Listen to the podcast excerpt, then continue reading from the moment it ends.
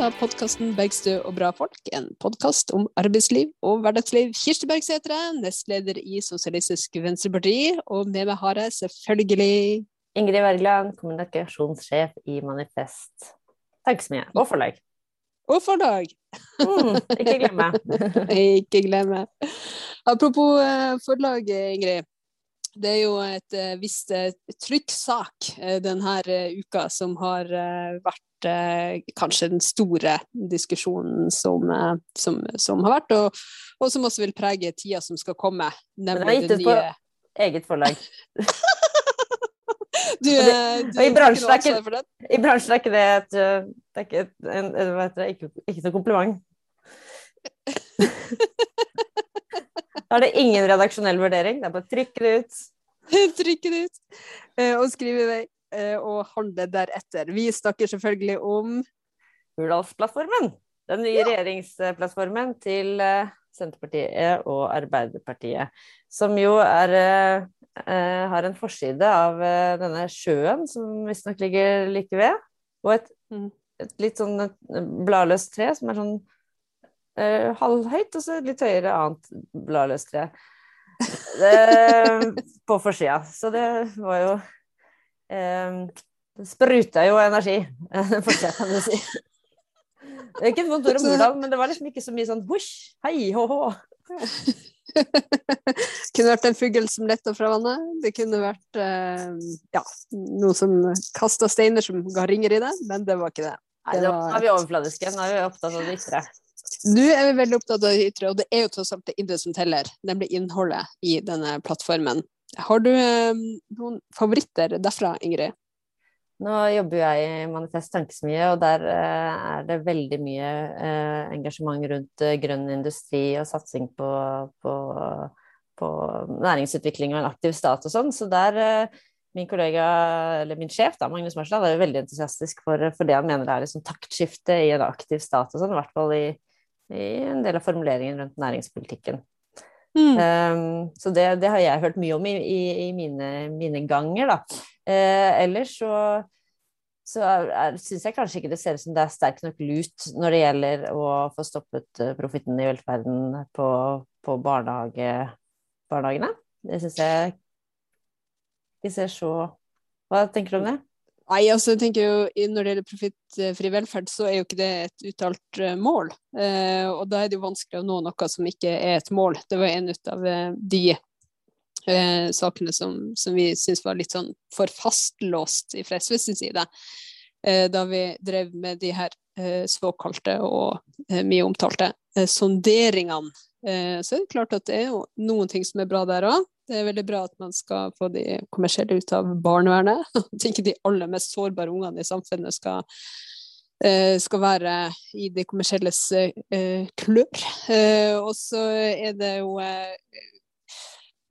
for, for vagt i, i forhold til, til, andre områder, og de aller fleste områder. Så det er klart, det kommer jo til å være et område som, som SV er nødt til å jobbe frem en uh, ny politisk eh, kurs rundt. Uh, et annet område er jo, er jo for så vidt bemanningsbransjen og vagheten rundt, rundt, hva som skal skje der, da. Mm. Ja, for det er heller ikke så veldig Der er det også en sånn vag formulering. Ja, om omfang og rolle. Eh, mm. At man skal eh, begrense eh, deres omfang og rolle, mens hele utgangspunktet er jo at bemanningsbransjen baserer seg jo på et, på et utrygt arbeidsliv og tar en mye større eh, andel, eh, eller spiser seg inn i stadig flere områder. Både innenfor kommuner, velferd, innenfor bygg og anlegg, som er mye diskutert, og også innenfor industrien.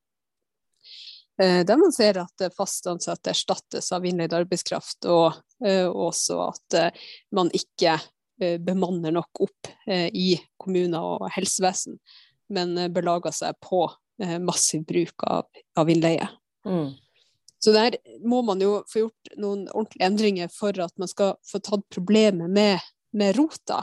Fordi den voldsomme bruken av innleie, det gjør jo at man ikke får den kompetanseoppbygginga på den enkelte arbeidsplass. Og at man har et arbeidsliv basert på, på utrygghet og i veldig stor grad uorganisert arbeidskraft, som ikke tar del i fagforeningsarbeid og organiserer seg og, og blir en naturlig del av, av arbeidsplassen. Ellers så, så, er jo jeg eh, engasjert lokalt i Oslo-politikken, og her har vi et sterkt engasjement for å bevare Ullevål sykehus. Eh, og det, det, ryker jo også, og det er jo litt sånn, litt sånn rart, syns jeg. Fordi har jo, Senterpartiet har vært veldig opptatt av å bevare mm. Ullevål sykehus, og Oslo Arbeiderpartiet eh, vil jo bevare Ullevål sykehus. Mm. Men der er det rett og slett eh, eh, på en måte mm, sykehusstrukturen liksom the machine, liksom, som bare bevares da, ved at Arbeiderpartiet i stort, da, nasjonalt, bare lar den maskina bare tute og gå. Det er mm. var det eneste forklaringen på hvorfor det, for det, at det ender sånn. Ja, så har jo Senterpartiet åpenbart gitt seg på det. Uh, og det er jo klart at mange er skuffa over det. Veldig mange frykter konsekvensene ved at, at Ullevål ikke bevares. Så det er klart, det som er dårlig for Oslo når det gjelder sykehusstruktur, det gjelder jo også i stor grad Akershus og området rundt. fordi Eh, nå så er det jo sånn at Ahus må ta unna veldig mye ut av det som egentlig er, er Oslo-befolkninga sitt, sitt, behov.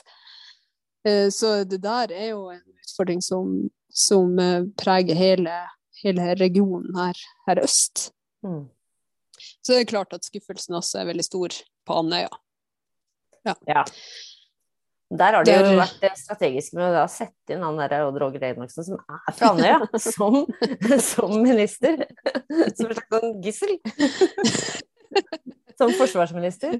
Her skal du komme og rydde opp. Stort intervju i, i, i, Klassekampen i helgen, og da var det sånn Hæ, hva da? Det, nei, dette er ikke noe Det er rar, rar ting å spekulere i. Jeg er med min kompetanse Det er klart, han har jo vært statsråd to ganger før, så det er ikke tvil om at han er kompetent, men mm. ja, ja.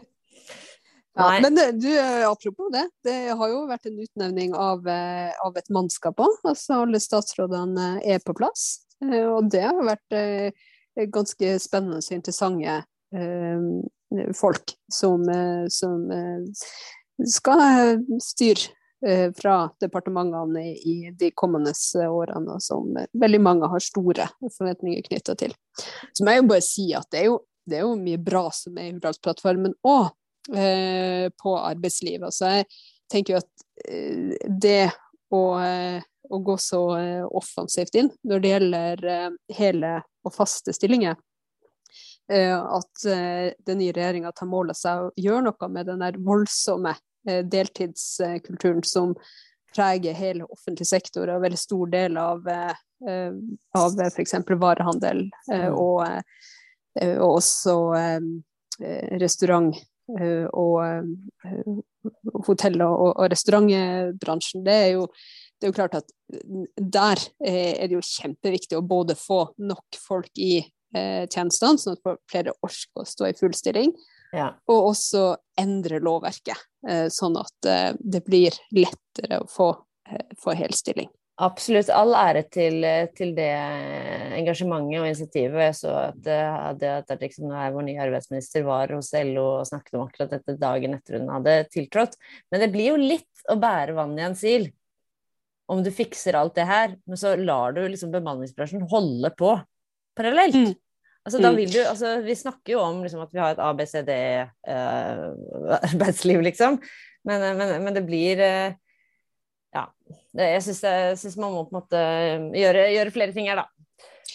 Det må man. Man må få til det, det, store rengjøringa som arbeidslivet eh, trenger nå.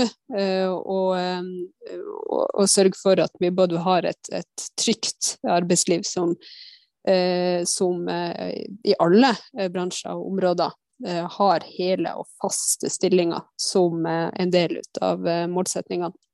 Men jeg var og besøkte Handel og Kontor sitt, sitt landsmøte på, på fredag.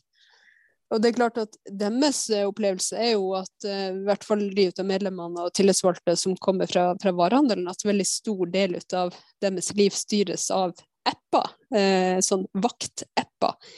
Og der Eh, der du ikke tør å dra på helgetur eller eh, planlegge livet ditt eh, som, som, du ønsker, fordi at kanskje det kommer en ledig vakt i denne vaktappen. Har du 30% stilling og, og, er avhengig av mer i lønn enn det, så, så setter du livet ganske mye på vent for å, for å, få det til. Så klarer man å gjøre noe med, med den voldsomme deltidsspredelsen i arbeidslivet, så, så så vil det jo gjøre noe med muligheten for, eh, ja, for å, å, kunne rett og slett klare seg eh, i livet sitt og med den jobben som, som man har.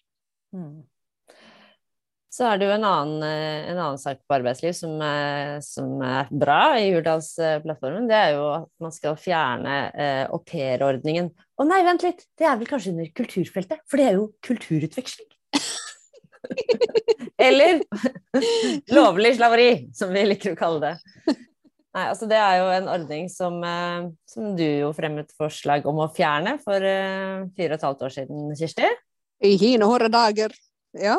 Ble den, den, fjerningen ble nedstemt med god hjelp av KrF og, og Venstre, for da var det jo en, et, uh, det som var flertallet som skulle til. Ehm, men det er jo veldig, veldig bra at det nå, nå er oppe igjen. For, for, det er jo altså det er jo snakk om rundt 1000, 1000 kvinner. Eh, det er jo jeg tror, det, jeg tror det bare er kvinner. Jeg har ikke hørt om en mannlig au pair.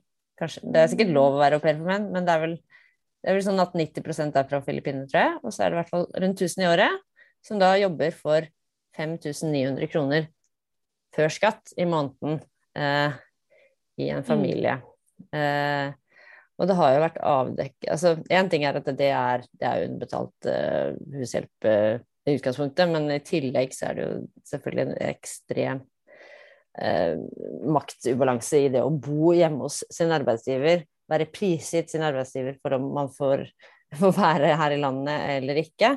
Mm. Og ikke minst så er det jo også avdekket mye grovt misbruk også av, av, av disse kvinner, da. Så det er eh, mm. Nei, det er en, det er en merkelig, merkelig, overlevning, altså, fra, fra, en annen tid. Ja, det er jo det. Og det er jo klart eh, det skal jo bare være litt sånn lett husarbeid eh, noen gitte timer i, i uka som skal være aupairordninga, men det har jo, som du sier, blitt mer og mer sånn hus, hushjelppreg over det, der folk har måttet stille opp på de underligste ting og til de underligste tider. Eh, og hatt eh, veldig lite frihet i sin liv. Eh, og noen har jo også blitt, blitt utnytta på det groveste. Og, og, vi har jo også sett noen eksempler med seksuelle tilnærmelser og, og, og ganske grove eh, tilfeller av behandling av folk. Så det er jo, det er jo veldig bra mm, at, at, den skal avvikles. Mm. Ja, Også, ja. Ja, det, må jeg bare si at det, det, som, det som, står i regjeringa om, om, retning, ikke sant, det er veldig bra. Det er veldig bra at, eh, at uh, man har en plattform som går offensivt ut uh, når det gjelder å få ned forskjeller og gjøre noe med sentraliseringa.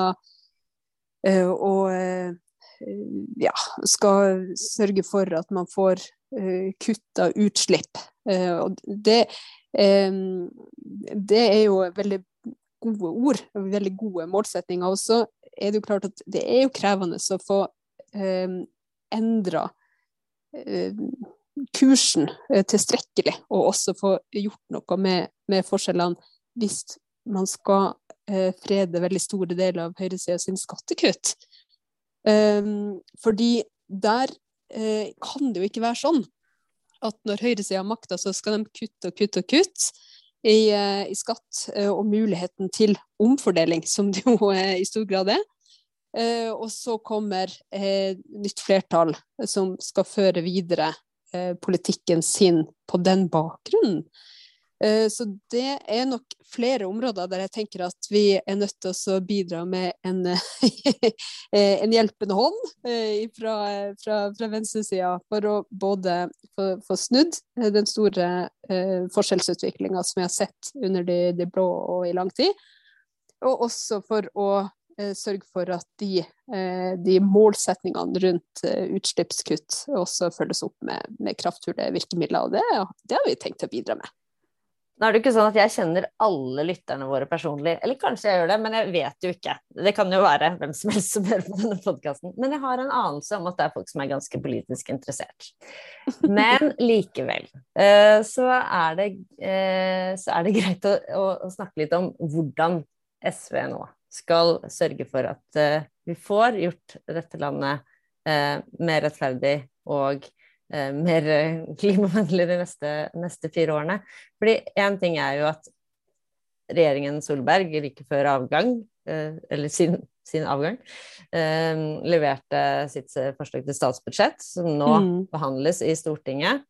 Eh, og da skal jo da den nye regjeringen sette sitt preg på det, og det snakkes det jo mye om i sånn det politiske kommentariatet, at det er grenser for hvor store endringer eh, Eh, Støre og Vedum får gjort i dette, i dette budsjettet, fordi det er kort tid osv., og, så videre, og dette er nøye gjennomarbeidet. Men, men noe endringer eh, skal man jo få gjort. Og hva er det dere da hva har, du, du i ermet, Kirsti? Hva, hva, er planen for å for Jeg er avhengig av SV sin støtte for å få gjennomslag for dette nye budsjettet. Mm.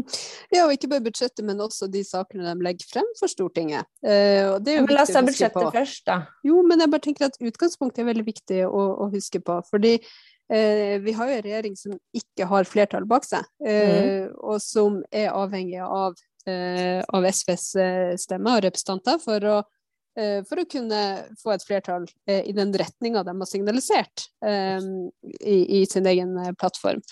Så det vil jo gjelde i alle saker. Uh, og så er det jo budsjettforhandlinger som skal uh, starte uh, nå snart. Nå har jo denne regjeringa veldig kort tid på seg.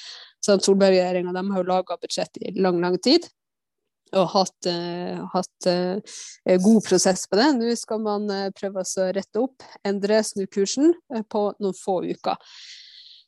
Så eh, så kan ikke jeg avsløre i podkasten hva det er SV skal eh, Her vil du ikke ha nye lyttere? Avslører! hva det er vi skal prioritere, men, men, jeg kan jo si at når det gjelder eh, f.eks. Eh, det som ligger på tannhelsereform, så er det jo veldig diffust eh, fra regjeringas side. Eh, og det som har vært eh, Arbeiderpartiet sitt mål om å få, få, få gratis SFO, i hvert fall til førsteklassingene, eller de minste, eh, det er det jo vanskelig å se hvordan de har tenkt til med den her veldig gradvise vurderinga av innfasing av den slags. Det har jo vært viktige valgkampsaker for SV. Både gratis SFO og en tannhelsereform som, som folk vil merke livene sine. Eh, så eh, noen ting må vi jo jobbe langsiktig med, med å få eh, på plass. og, og vi kommer jo til å være veldig tydelige på at denne regjeringa er nødt til å forholde seg til det som velgerne har sagt, nemlig at man vil ha kraftig forandring og ny kurs når det gjelder både klima og miljø og natur, og også velferd og fordeling. Fordi det er jo den ene tingen man driver med i Stortinget, er jo å lage salgsbudsjett og mm -hmm. vurdere eh, fordelingen av, av pengene eh, som staten bruker på sine innbyggere i, i, året som følger. Men det andre er jo lovgivning. Og der er det jo, det er jo der eh, i tiden som kommer, så vil det jo komme en rekke eh, forslag fra, fra, regjeringen som da skal opp i de ulike komiteene på Stortinget, for så å bli mm. vedtatt i stortingssalen. Ehm, så det er vel eh, Det er vel den andre måten man kan påvirke på, da. Ja, ja. Det er jo det. Det er mange måter å påvirke på, og uh, det er mange måter å, presse frem en, en en, riktig retning på. Sjøl så skal jeg være i arbeid- og sosialkomiteen. Og det ser jeg veldig frem til, for veldig mange av de store slagene som handler nettopp om å redusere ulikheter i makt og rikdom, står jo innenfor arbeid og sosiale feltet. Så, så, der skal vi jobbe som en utålmodig, men konstruktiv opposisjon til regjeringa. Jeg hører jo av og til at SV blir, blir omtalt som et sånt samarbeidsparti eller et støtteparti. Det er vi ikke. Vi står helt uten bindinger til denne regjeringa, men er også veldig veldig tydelige på at vil de ha eh, politisk endring ut fra det velgerne har, eh, har, stemt frem, ja, så eh, er vi klare når de kommer til oss for å forhandle om saker. Så sånn må det være. Mm. -hmm. det, det, er jo flott. Mm. Ja, så da blir det masse bra politikk, da? Eh, det må jo bli det. ja. Vi kan jo ikke ha fått et nytt flertall uten at det skal innebære en ny politisk kurs. Nei, for det er jo sånn sett er det jo litt oppmuntrende det du, det du oppsummerer med, da, at uh, fortellingen om hvilken retning dette landet skal i, faktisk er ny.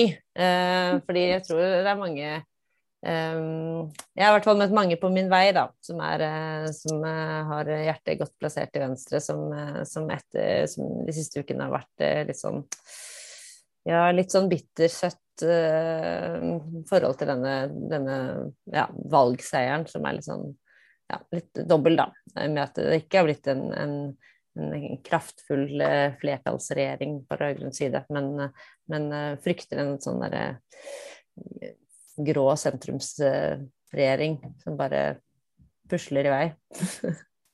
Men det er da det er bra at vi har et sosialistisk venstreparti som kan hjelpe til å fargelegge politikken, både rød og grønn, sånn at eh, vi får dratt eh, politikken i riktig retning. Så eh, dem som eh, kanskje har pusta litt letta ut, de er få på toppen. Som, eh, som tenkte at nå blir det trygge tider fordi SV forlot Hurdalssjøen. Eh, de kan sette kaffen i halsen.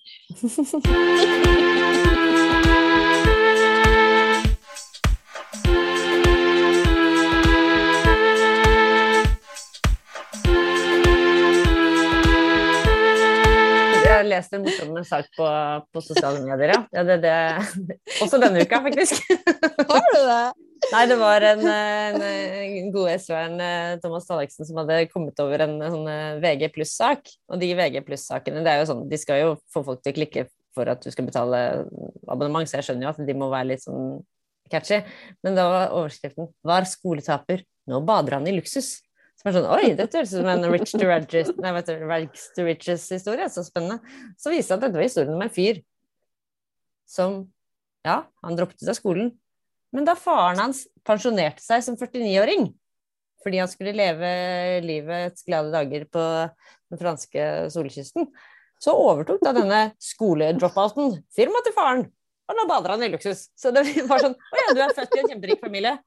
Å ja, og du bare ikke akkurat, fikk ikke akkurat fullført studiespesialisering, men ja, du bader fortsatt i luksus. Ja, det var bare det som var litt morsomt, da. At det var liksom en eh, tilsynelatende en eh, historie om, eh, ja, om en, en, klassereise, så var det så, så som eh, Thomas eh, Tallaksen skrev, det var den klassiske klassereisen om en, en ung mann som startet med to fulle hender. en av dem. Akkurat det er jo litt uh, frustrerende med at uh, det er så lite iver uh, blant altfor mange partier for å gjøre noe med, med arv.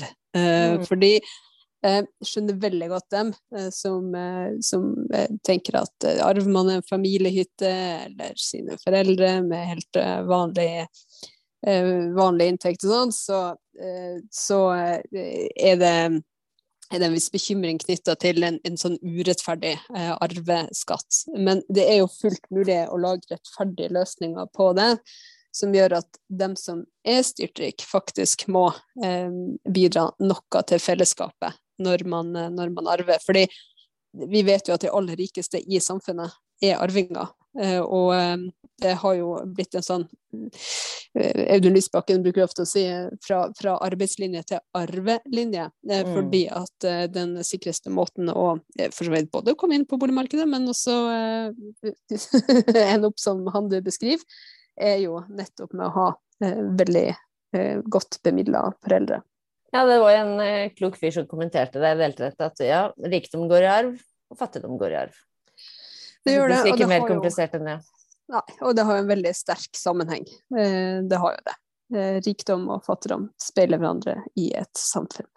Mm. Men du Ingrid, jeg har jo registrert at eh, det ikke er så lenge til en viss konferanse som går av staben i Staben? Stabelen? Mm. I hvert fall som skjer i, Ja. i Stavanger. Ja, 29. oktober så skal vi manifeste ha en konferanse i, som rett og slett heter Parterapi for klima og industri. Og jeg er så glad for å kunne si at der er jo du også på plakaten. Ja, det er jeg. Kjempefint, det blir bra. Da skal det Mm. være Men det, det er jo det er, jo ikke, det er jo ikke bare deg, selv om det selvfølgelig kunne vært en eh, fin, fin konferanse. Det er jo en konferanse med både eh, fagbevegelse, miljøbevegelse og eh, eh, næringslivsfolk. Og det kommer en eh, han der eh, Harald Magnus Andreassen, som er eh, finansanalytiker i eh, Sparebank1.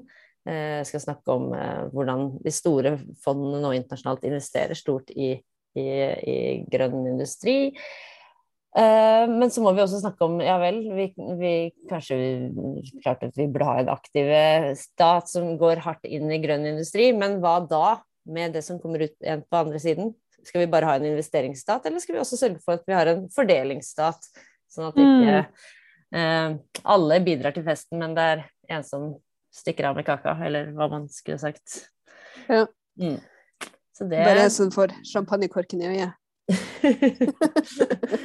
Så det, det blir en storslått eh, konferanse. Det skal jo være som en del av Coconomics, som er en sånn økonomifestival. De kaller seg Nordens beste og morsomste økonomifestival. Eh, det er kanskje ikke så veldig mange økonomifestivaler, så det kan de trygt kalle seg. så som da foregår den samme uka, da. Så Stavanger-folk eh, må kjenne sin besøkelsestid. Og folk kan jo reise dit også fra, fra andre deler av landet, selvfølgelig. Ja, fordi det er jo eh, Det bruker å være en sånn årlig manifestkonferanse. Er, det på en måte årets eh, Ja, det, det er vel noe sånt. Vi har jo, vi har jo pleid å ha det i, i Oslo i mars. Men så har det jo vært så mye korona de siste årene, og sånn, så det har jo ikke vært konferanse på en stund. Så dette, Nei. dette er eh, strengt tatt mer en eh, kulminering av et, eh, dette store Grønn industri 21-prosjektet som vi har gående, da. Som handler om mye av det samme som, som konferansetemaet er. Mm. Vi hadde jo eh, Anne Ørjebø som, eh, som gjest for eh, noen episoder siden, som eh, har etterlyst eh, eh, det å ikke bli snakka om, men snakka med som, Mm. eh, som oljearbeider. Eh, og det kan jo være et, eh, et fint sted eh, for, eh, for den typen samtaler. Å være i samme rom eh, og se om man kan gå eh, samme, samme vei. Ja, jeg registrerer jo at eh, eh, miljøbevegelsen raser over den nye Hurdalsplattformen, mens store deler av fagbevegelsen, eh, i hvert fall lederne i forbundene, eh, er veldig, er veldig glad. Eh, så det er jo viktig at man har noen sånne felles handlingspunkter som, som eh, folkebevegelser for Mm. å eh, finne eh, både problembeskrivelser og løsninger i lag. Mm. Sånn at ikke vi ender opp med, med veldig sånn polariserte eh, debatter der man eh, skriker til hverandre eller ikke, ikke deler rett og slett virkelighetsforståelsen. Så jeg ser i hvert fall veldig frem eh, til å delta i, eh, i Stavanger på eh, parterapisesjon. Nå eh, lever jo jeg til vanlig med en eh, industriarbeider, så eh, eh, så, eh, så eh, den formen for, for parterapi er jo kanskje ikke helt eh, ukjent.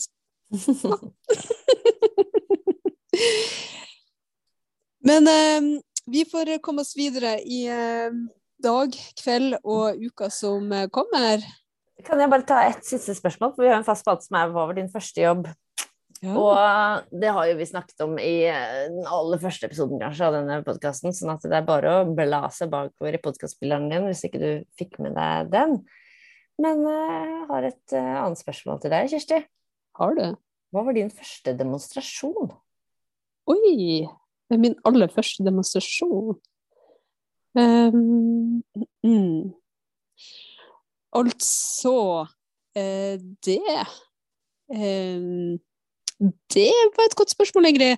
Jeg tror Nå prøver jeg å huske om Altså, da vi reiv ned sånne lettkledde dameplakater i femte klasse fra klasserommene, det er jo kanskje mer en aksjon enn en demonstrasjon. Ja, det er greit, det er greit. Jeg, var, jeg mente å være snever i definisjonen. Men jeg husker jo at jeg eh, husker jo de første demonstrasjonene jeg lagde, da. Eh, og det var eh, i 99, tror jeg det må ha vært. Så, så lagde vi en sånn markering, fredsmarkering på, på torget i Vadsø. Stopp bombinga, stopp Milosevic var da bannerteksten som hadde blitt Eh, laga på gulvet eh, der som eh, vi Jeg var jo borteboer da jeg gikk på videregående, der som vi, vi bodde. Og så hadde vi, hadde vi ikke gjort det her veldig mange ganger før, så, så vi hadde jo eh, ikke sørga for at malinga ikke gikk gjennom når vi lagde den svære banneren.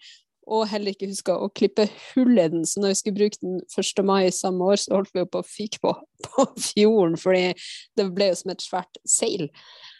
Eh, og så var jeg jo på mange markeringer i ungdomsåra mot uh, prostitusjon i nærsamfunnet, og for å vise uh, avstand til den lokale halliken, uh, som, som henta fattige kvinner fra, fra, Russland.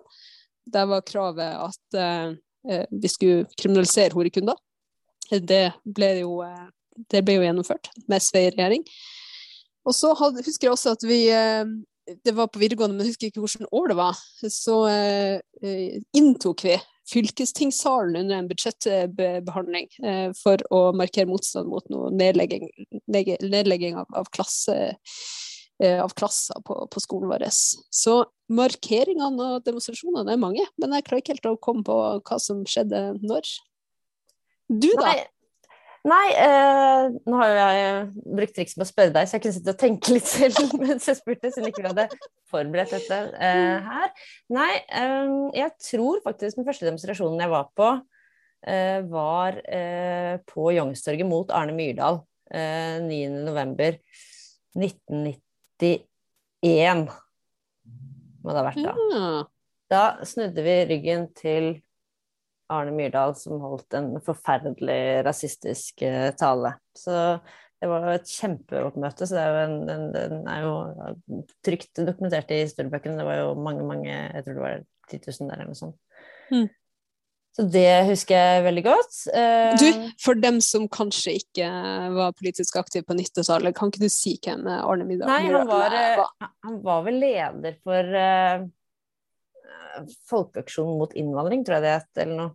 Så det var bare en forferdelig rasistisk uh, organisasjon, liksom. Litt sånn Sian-aktig, da. Bare generelt mot innvandring. Og han var en han hadde en sånn forferdelig Hitler-aktig stemme. Altså, han var en grusom eh, mm. propagandist, liksom. Som, eh, som, eh, Det var jo også en veldig stor sånn det er et sånt slag i Brumunddal, som jo var vel var samme, samme år, da. Hvor han mm. også holdt en en demonstrasjon hvor det også da ble et sånt ordentlig gateopptøy mellom antirasister og, og, og, og, disse rasistene, da. Så det var, det var mye rundt, rundt, han, liksom. Han ble, ja. var en sånn veldig sånn frontfigur for den, den gjengen. Og var noe, de var ikke noe redde for å bli sammenblandet med nynazister, liksom, for det alt gikk i, i ett der. Så det var en, en, en fæl gjeng. Ja, det er bare jeg må fortelle om ei, ei som jeg møtte en gang i partisammenheng, som eh, Eh, bodde der eh, med familien sin. Og, og de ble rett og slett så heftig trakassert eh, av rasister at de måtte flytte derfra. Altså, barna kom hjem med, etter å ha blitt banka opp og rulla i søle, og de kunne våkne om natta av at det sto biler og bare lyste inn med sånne flomlys eller langlys da, inn i, inn i stuevinduene og, og trua med å sette fyr på huset og gjøre helt sånn, helt sånn eh, ekstreme ting. Uh, så alle, alle, rasister som får stå oppe i, i det offentlige rom uh, og markere seg sånn som Arne Myrdal fikk i mange lokalsamfunn, bidro også til en, en helt en ekstrem, ulevelig situasjon for alle som skulle leve i det tankegodset eh, i, i lokalsamfunnene sine. Mm. Så det var veldig bra at du, at, du, at du, var der, og en del av de som sa nei til, til rasisme i, i mm. samfunnet. Mm. Ja, det var en stor og fin uh, markering. Også det var den første jeg var på og deltok på. Den uh, første jeg lagde, siden du, siden du, tok opp det som en sjanger. det, var, det, var, bare noen måneder etterpå. Da var det rett og slett Um, hvordan var det da moren min abonnerte på Eller foreldrene mine abonnerte på Vårt Land. Og av en eller annen grunn så fikk de plutselig sånn prøveabonnement på dagen. Som jeg da drev og bladde litt i hjemme. Og det var jo ja, som, som nå Jeg tror det kanskje var enda mer ekstremt det er på begynnelsen av 90-tallet enn, enn det er nå. Eh, altså, det... det kan jo hende at noen her er skjerma fra den ja, typen altså, aviser som Avisa Dagen. Vårt, land, vårt, land, er jo en uh, Hva skal man si? en uh, i hvert fall kanskje sosialdemokratisk, eh, hvis det er en sjanger, eller, eh, eller mer mot venstrelenende eh, kristen avis. Mens, mens, Dagen er jo langt mer mm. Kanskje ikke Jeg vet ikke om høyre-venstre-aksen passer perfekt for å beskrive det, men de er i hvert fall ja, skriver veldig mye om, om Israel. Da. Ja, og ja. abort på en veldig ja. uforsonlig og ja. opprørende måte. Ja. Eh, det er lenge siden jeg har lest dagen også, jeg skal ikke, jeg skal ikke komme noen type analyse av hvordan dagen er i dag. Men det jeg i hvert fall da eh, leste da, da, denne avisa kom inn i vår postkasse da jeg gikk i 7. klasse, som jeg jo da gjorde, eh, det, det, var at det skulle være en stor demonstrasjon mot abort med Ludvig Nessa og Børre Knutsen. Det var jo for våre yngre lyttere kan jeg fortelle at det var to beryktede Altså, det var jo sånn 1800-tallsaktige prester, ikke sant, med svarte kapper og, og sånn derre Og sånn artig skjegg. Kjempe, kjempemerkelig skjegg, ja. Eh, og de var veldig, veldig opptatt av at, eh, at abort det var, var, drap, og de hadde helt forferdelige aksjoner utenfor sykehus, og de hadde litt sånn amerikanske tilstander, rett og slett, med, med små dukker spraya ned med ketsjup, og det var liksom helt ja, Helt grusomme. Helt ville metoder. Og så skulle de ha en svær demonstrasjon da, for, for, mot, mot, abort. Og det var det jo ingen som hadde hørt om på, i, på Blitz, da, som var det hvor jeg banka en del. fordi det var ingen der som leste Dagen. Så derfor så ble venninna mi og jeg vi ble enige at vi skulle da lage en demonstrasjon, da.